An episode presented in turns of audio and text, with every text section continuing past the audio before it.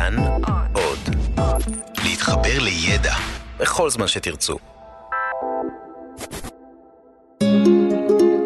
היסטוריה לילדים עם יובל מלכי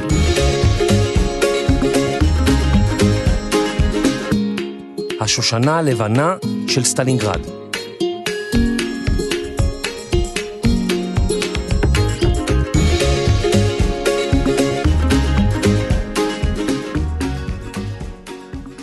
לידיה ליטבק נולדה בשנת 1921 בעיר מוסקבה ברוסיה למשפחה יהודית. כבר בנעוריה החלה להתעניין בטיסה. בת 14 הצטרפה למועדון טיסה מקומי, ובת 15 כבר ביצעה את טיסת הסולו הראשונה שלה. סולו הוא מונח המשמש לתאר פעילות שעושה אדם אחד בלבד לבדו. בטיסת סולו, הטייס טס לבדו בלי מדריך או עוזר לידו. הוא ממריא, מנווט, מטפל בתקלות ונוחת. והכל לבד. רק הוא והמטוס.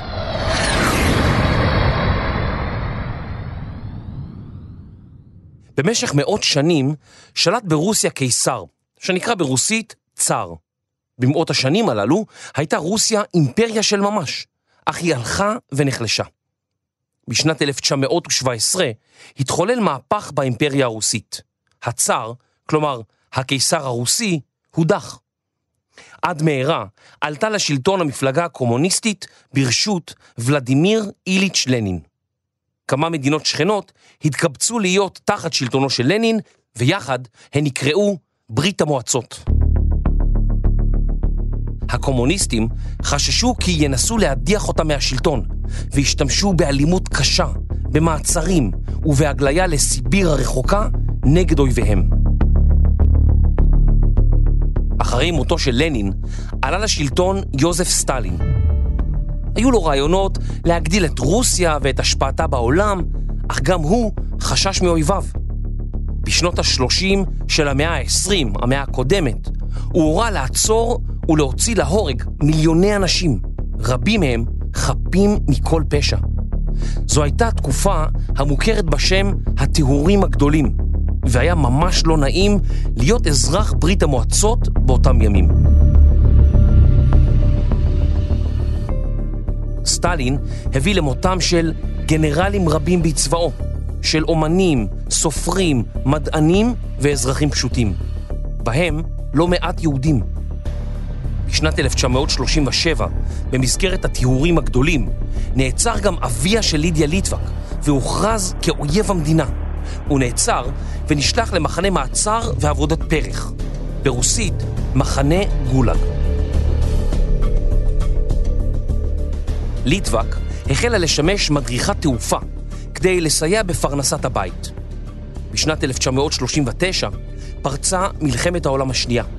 אמנם לגרמניה ולרוסיה היו הסכמים שהן לא יתקפו זו את זו, אבל בשנת 1941 פלשה גרמניה הנאצית לברית המועצות והחלה להתקרב לבירת רוסיה, מוסקבה.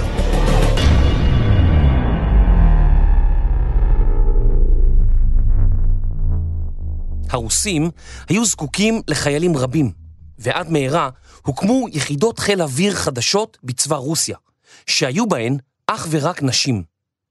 לידיה רצתה מאוד להצטרף לאחת מהן. היא נדחתה שוב ושוב, אך לא ויתרה.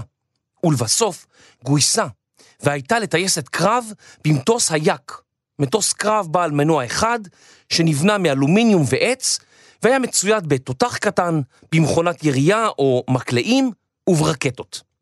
לא, לא רקטות של טניס, רקטה, כמו טיל. הנה, יש לי כאן רקטה כזאת, הביאו אותה אליי לאולפן. תראו, איזה רקטה גדולה, מה, מדהים, איזה גודל הרקטה הזאת, היא גם שוקלת הרבה, רקטה כבדה, ויש פה כל מיני כפתורים. מעניין מה הכפתור הזה עושה. אוי, מה זה, יוצא עשן. רגע, מה זה, מה זה הרעש הזה? אוי, מה, מה קורה פה? היי, הרקטה עפה! זהירות!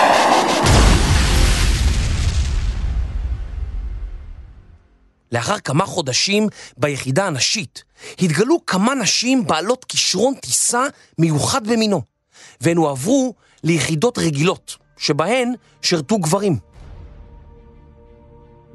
בספטמבר 1942 החלה ליטבק להילחם נגד מטוסים גרמניים בשמיים.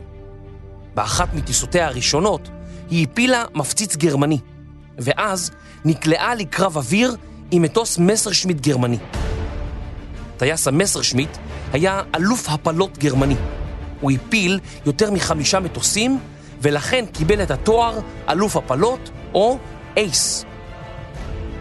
רגע לפני שהפיל עוד מטוס סובייטי, הפתיע אותו ליטבק והפילה אותו. היא הייתה הטייסת הראשונה שהפילה מטוס קרב של האויב.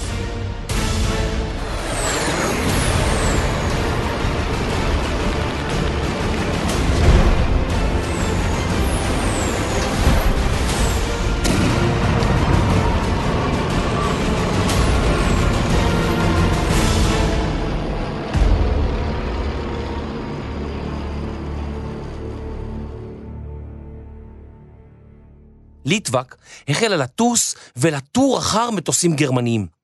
היא אהבה קרבות אוויר, ובתוך כמה חודשים הצליחה להפיל 12 מטוסים גרמניים. אחד הטייסים הגרמניים כה התרשם מיכולת הטיסה של הטייס שהפיל אותו, עד כי הוא ביקש לפגוש אותו. כשהביאו אותו אל לידיה ליטבק, הוא היה בטוח שמישהו עובד עליו. שאישה תטיס מטוס במיומנות כזאת ותפיל אותי? לכם שאני קונה את הבדיחה הזאת? הוא פשוט סירב להאמין. אבל אז ליטבק החלה לתאר באוזניו בפירוט את מהלך הקרב. פיו של הטייס הגרמני נפער לאט לאט, והוא הבין שאכן לא סתם אישה, אלא האישה הזאת הפילה את מטוסו. הוא היה עמום.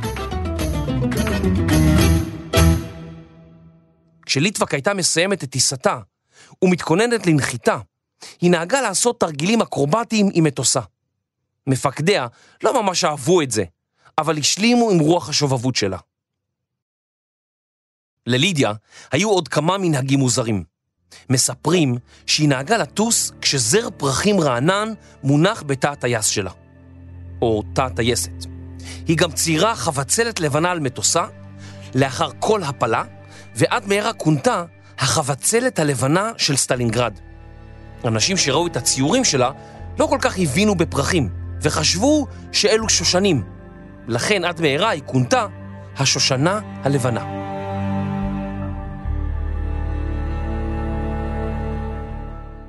ליטבק הועברה לשרת באזור סטלינגרד. שם נלחמו הגרמנים והסובייטים בקרבות קשים ביותר, על אדמה קפואה, כשמזג האוויר בחוץ הגיע לעתים למינוס 30 מעלות צלזיוס. בחודש פברואר 1943 היא זכתה באות הצטיינות של מסדר הכוכב האדום על אומץ ליבה בשדה הקרב. היא הועלתה בדרגה לקצינה זוטרה, ועד מהרה צורפה לקבוצת הציידים החופשיים. טייסי הקרב הללו נחלקו לצמדים וחיפשו מטוסי קרב של האויב. הם רצו להתעמת איתם ולהפילם. אלו היו טקטיקות מסוכנות מאוד, אבל לידיה אהבה את הטיסה. היא אהבה את האקשן, והיא ידעה עד כמה חשובה הייתה מטרתה, להדוף את גרמניה הנאצית לאחור.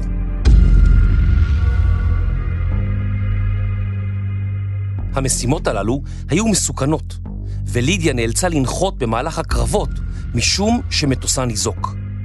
בחודש מרס באותה שנה היא נפצעה בפעם הראשונה. ביום הפציעה היא הצליחה להפיל מטוס גרמני, אך גם מטוסה שלה נפגע. לידיה נפצעה והחלה לאבד דם. היא הצליחה להחזיר את מטוסה לבסיס ולנחות בשלום, אך היא נאנקה מכאבים ואיבדה דם רב. לידיה התאוששה וחזרה מיד לטוס. היא נפצעה עוד כמה פעמים, מטוסה הופל, היא נפצעה שוב ושוב, אך המשיכה לטוס. באחת מטיסותיה נפצעה ברגלה, ונאלצה לעבור ניתוח, שבעקבותיו נותרה צולעת. היא נשלחה להתאוששות במוסקבה, ושמחה מאוד לפגוש שם את אמה ואת אחיה.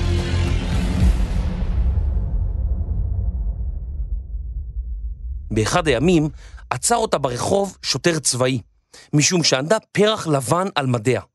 זה הדבר לא מקובל. השוטר ביקש ממנה את תעודותיה, ולאחר שהחל לעיין בהן, נדהם לגלות מי היא. העיתונים בעיר החלו לספר את עלילותיה בשדה הקרב, ולידיה הייתה לאישיות מפורסמת. בין כל הקרבות האוויריים, הספיקה לידיה להתאהב באחד ממפקדיה. אבל הוא נהרג בתאונת אימונים, במאי 1943. היא צפתה בהתרסקות מטוסו, וליבה נשבר. היא כתבה לאמה כי הבינה עד כמה אהבה אותו רק לאחר מותו. למרות זאת, היא סירבה לצאת לחופשה. המלחמה חיכתה לה.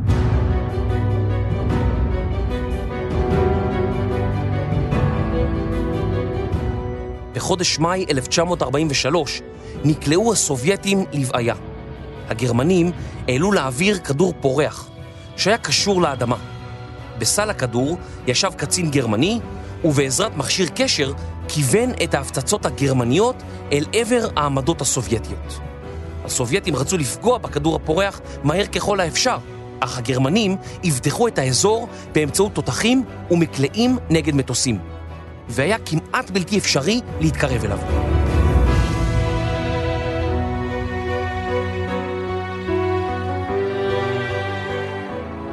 לידיה התחננה שייתנו לה לנסות לטפל בעניין, אך מפקדיה סירבו. ליטבק הסבירה להם שיש לה תוכנית, לטוס בעיקוף גדול ולהגיע אל הכדור הפורח מאחור, ממקום שהגרמנים לא ציפו לו. כשאישרו לה לעשות זאת, היא יצאה אל המשימה, והצליחה לירות אל עבר הכדור הפורח. הוא עלה באש והתפוצץ. בחודש יוני הוא עלתה ליטבק שוב בדרגה, והייתה למפקדת של ממש. היא הייתה בת 21.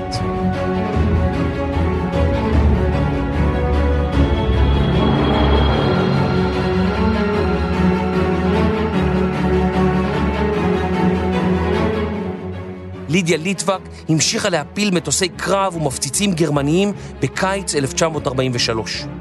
היא גם הופלה ונפצעה שוב ושוב, אך סירבה להתפנות לקבלת טיפול רפואי או לצאת לכמה ימי חופשה. היא רצתה להמשיך ולהפיל עוד ועוד מטוסים של גרמניה הנאצית. ב-1 באוגוסט 1943 יצאה ליטבק לכמה גיחות במזרח אוקראינה. בגיחתה הרביעית סגרו עליה לפתע מטוסי מסרשמיט גרמניים רבים. מטוסה של ליטבק נעלם באופק ולא נראה שוב. במשך ימים רבים שהפכו לשבועות, חודשים ושנים, לא היה ידוע מעלה בגורלה של הטייסת הצעירה.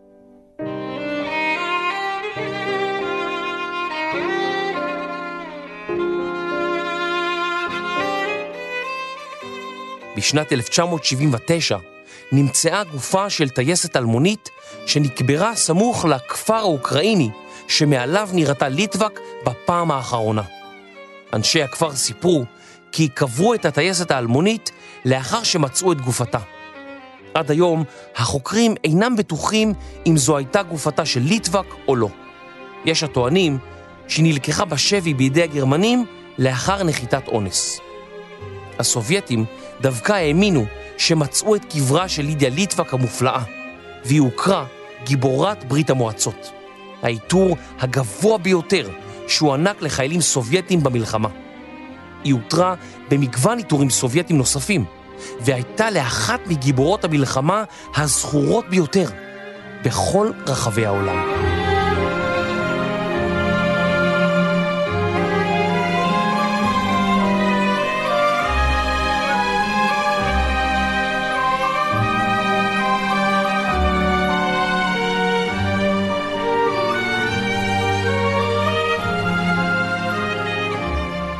עד היום, ליטבק היא אחת משתי הטייסות היחידות בעולם שזכו בתואר אייס, אלופת ההפלות. בתקופת שירותה הפילה ליטבק, כפי הנראה, כ-15 מטוסים גרמניים.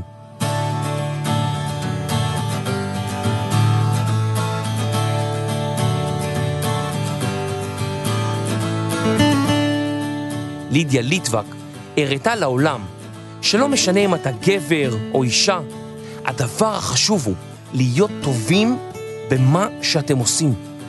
להשקיע, לתת את כל מה שיש לכם, כדי שגם אתם תהיו גאים בעצמכם. לידיה הייתה בת 21 במותה. טייסת, אישה, יהודייה, אלופה.